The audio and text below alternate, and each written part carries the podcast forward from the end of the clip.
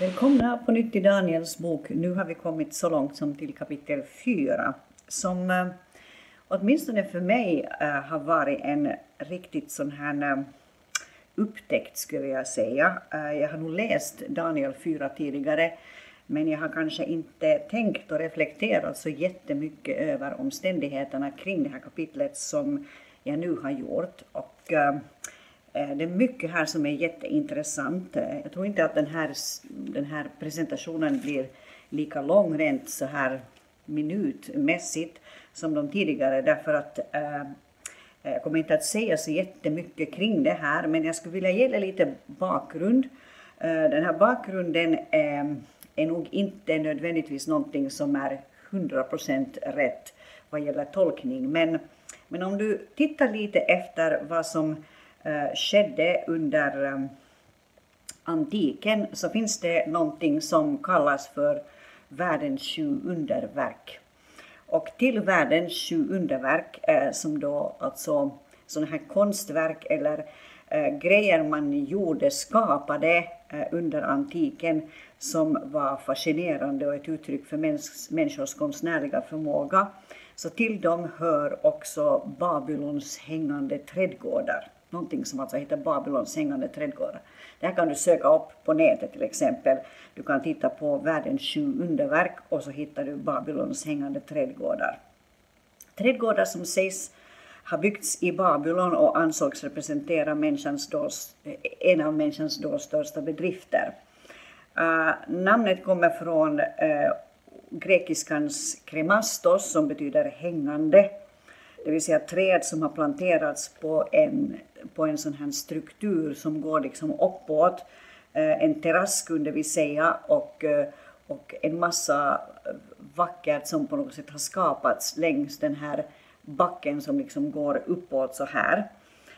Och enligt, enligt vissa berättelser då så var Nebukadnessar med och gjorde de här Babylons hängande trädgårdar.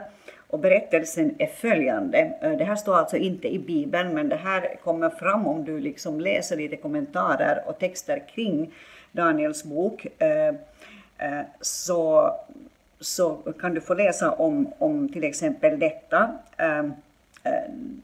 Nebukadnessar hade gift sig med en underbar prinsessa från Persiens berg där Teheran finns idag.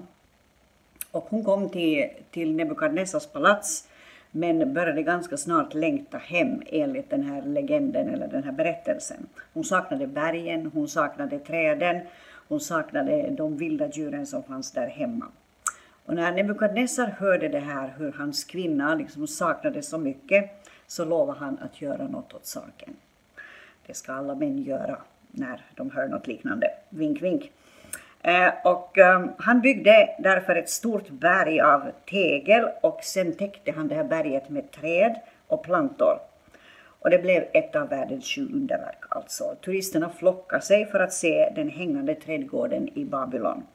Och på toppen av trädgården så satte han ett privat zoo med vilda djur, allt för att göra denna hans fru lycklig. Hon som var, eh, liksom kom från helt, en helt annan miljö, så här vad gäller natur och, och eh, ja, det hon hade liksom bakom sig. Och eh, då kommer vi till den här eh, textens början, eller kapitel 4 början, där det står så här att jag, Nebukadnessar, levde i lugn och ro i mitt hus och var lycklig i mitt palats. och, och han var liksom tagen egentligen, kunde vi säga, av sitt eget verk. Eh, och, eh, och, han säger så här att är det här inte det stora Babylon som jag har byggt med min kraft och med min härlighet?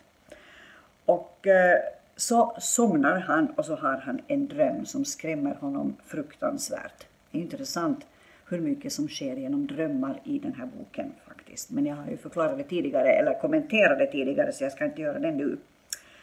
Eh, och han hämtar alla de visa i Babel för att förklara drömmens tydning för honom. Den här gången så ber han dem inte att först säga vad det är han har drömt, som han gjorde i kapitel 2, eh, utan han berättar själv vad han har drömt. Och eh, slutligen kommer också Daniel inför honom, han som hade fått namnet Beltesassar, av Nebukadnessar. Och Nebukadnessar själv säger här i fjärde kapitlet och femte versen att heliga gudars ande bor i honom.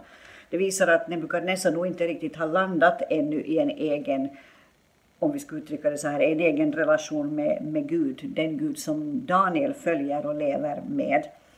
Eh, men anyway, Nebukadnessar berättar om den här drömmen för Daniel och, eh, och, och, och, så säger han, här är den syn som jag hade på min bädd. Och då kommer drömmen och nu är jag i vers 7. Jag såg i min syn ett träd stå mitt på jorden. Det var mycket högt. Trädet var stort och väldigt och så högt att det nådde till himlen och syntes till jordens ände. Lövverket var vackert och det bar så mycket frukt att det hade mat åt alla. Markens djur fanns, fanns skugga under det och himlens fåglar bodde på grenarna. Allt levande fick sin föda från det. Så han ser det här fantastiska trädet som är till välsignelse för allt som finns där runt omkring. Lövverket var vackert, men det var också ett, eh, det handlade också om ett träd som verkligen gav frukt åt alla som fanns där runt omkring. Och sen ser han en syn hur eh, en helig väktare, eller i, i synen så ser han då hur väktare stiger ner från himlen eh, och hur någon säger hugg ner trädet och kapa grenarna, riv bort lövverket, strö ut frukten så att djuren under trädet flyr sin väg och fåglarna flyger bort från grenarna. Men stubben och rötterna ska lämnas kvar i jorden bland markens gräs, bunden med kedjor av järn och koppar. Den ska fuktas av himlens dag och ha sin lott med djuren bland markens örter. Hans hjärta ska förvandlas från ett mänskligt hjärta så att han istället får ett djurs hjärta och sju tider ska gå fram över honom. Så är det bestämt genom väktarna och så är det befallt av de heliga för att de levande ska veta att den högste råder över människors riken. Han ger dem åt vem han vill och upphöjer den ringaste bland människor till att härska över dem. Och det här var alltså drömmen som, som eh, Nebukadnessar hade. Och så berättar han det här då för Daniel.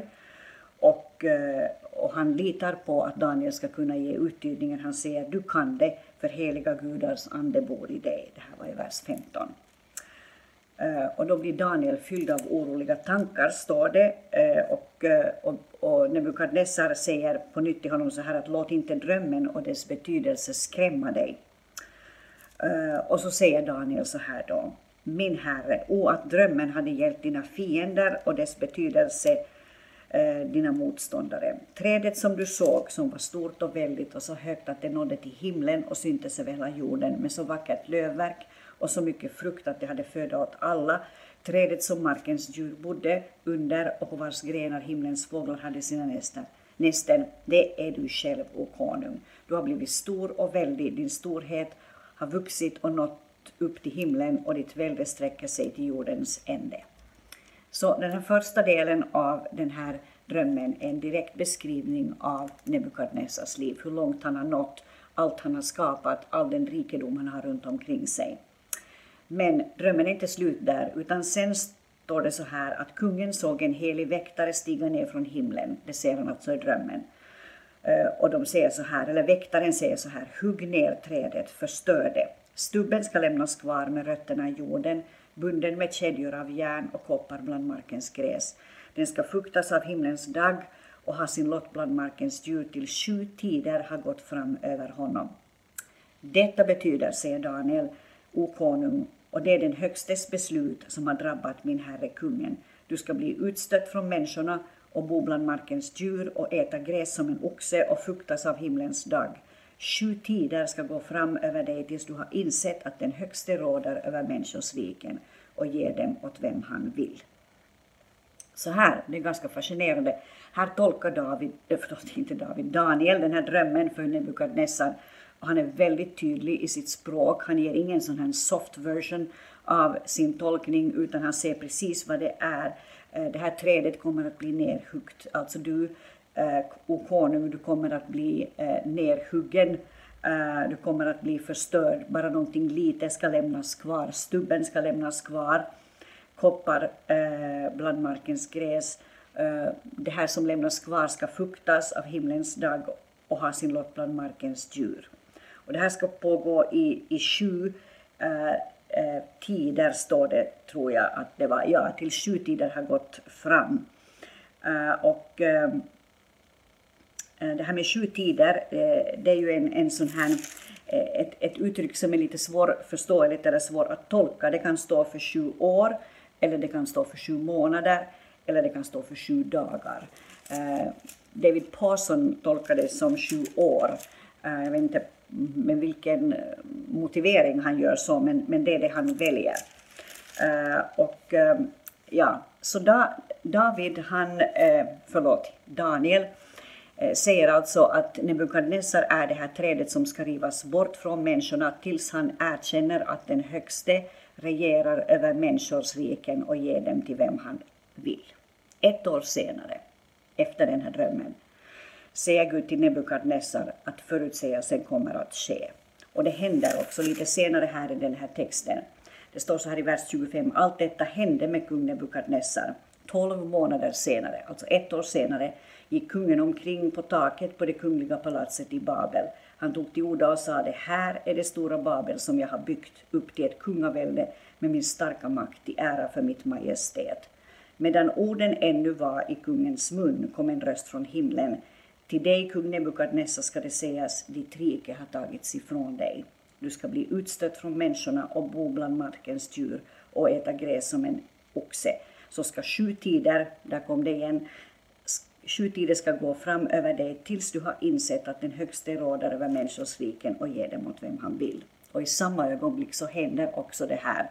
Nebukadnessar blir utstött från människorna, han börjar äta gräs som en oxe, himlens dag fuktar hans kropp och hans hår växer och blir som örnfjäder, hans naglar blir som fågelklor.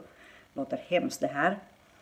Och sen när de här sju åren, eller den här den här tiden då, hur länge det sen handlar om. Jag vågar inte säga om det handlar om år eller månader. Men anyway, eh, eh, när det här sedan har hänt eh, och liksom gått förbi så står det sen att han lyfter sin blick mot himlen, det finns i vers 31, och han får tillbaka sitt förstånd. Och då står det att då lovar han den högste, då lovade jag den högste, jag prisade och ärade honom som lever i evighet. Då har han fått en egen relation kunde vi säga, egen relation till Gud. Han har varit med om tidernas kris. Han har gått sönder fullständigt som människa. Han har blivit som ett djur kunde vi säga. Han har blivit totalt ner, eh, liksom eh, tryckt. Eh, och han eh, har fått ett, liksom en, en fullständigt ny början. Det står så här att han sen säger att Guds välde är ett evigt välde, vers 31. Hans rike varar från släkte till släkte alla som bor på jorden räknas för ingenting. Han gör vad han vill med himlens här och med dem som bor på jorden. Och så står det att han återfår sitt förstånd, han får tillbaka sin härlighet, sin glans och hans rådsherrar och stormän söker upp honom och han blir på nytt insatt i sitt rike och fick ännu större makt. Så det blir en upprättelse i hans liv. Gud låter honom liksom komma tillbaka, men det går genom den här väldiga krisen som han har, som är liksom svår att förstå detta att han blir så fullständigt ner, um, hur ska vi säga, så liksom söndrad på något sätt som människa. Uh, ingenting fanns liksom kvar. Och jag tänker så här att det här är en bra påminnelse till oss om att vårt liv är i Guds händer. Men jag inte att du ska gå omkring och vara rädd för vad Gud ska göra av ditt liv. Men jag tycker att det är viktigt att vi kommer ihåg att vi är kallade att frukta Gud, att älska och ära Gud Uh, och vi kan inte liksom ha någon slags sån här uh, någon typ av förhållande till honom där vi liksom bara väljer det vi vill tro och väljer bort det vi inte vill tro. Och, ja, för mig är Gud sån här och för dig är Gud kanske sån där, men jag väljer att ta bara de här bitarna. Det här är också en presentation av hurdan Gud är. Och Gud var seriös med Nebukadnessar. Gud ville ha honom, Gud ville kalla honom. Kanske han behövde en ordentlig smäll för att verkligen förstå vem Gud är. Vi såg ju under de tidigare, eller i de tidigare kapitlen att han hade en ganska så här ett ganska ytligt sätt att tala om Gud när han talade om honom. Han säger er Gud är i sanning, säger han till David. Förlåt Daniel, det är svårt att få namnet rätt här nu.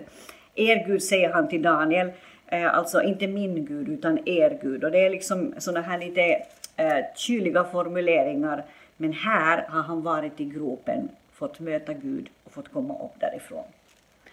Och det jag vill eh, säga till dig här nu det är att Gud eh, är den som regerar. Han regerar över mitt liv, han regerar över ditt liv och eh, han har makten. Och vi, har, vi har satt vårt liv i Guds hand och vi får lita på hans godhet genom våra liv. Men eh, vi också kallar det att frukta honom. Han är stor och väldig och mäktig. Och han regerar. Trots eh, världens tillstånd just nu och allt som pågår så regerar han och kommer en dag att visa sin makt. Och eh, det tycker jag skapar en enorm trygghet samtidigt som det också skapar en stor respekt för honom, åtminstone i mitt liv. Och i den respekten vill jag vandra. Så eh, titta gärna på Daniel 4 på egen hand också och eh, jag ber att det ska få tala till dig mycket mer än det jag har kunnat presentera här och nu. Var välsignad!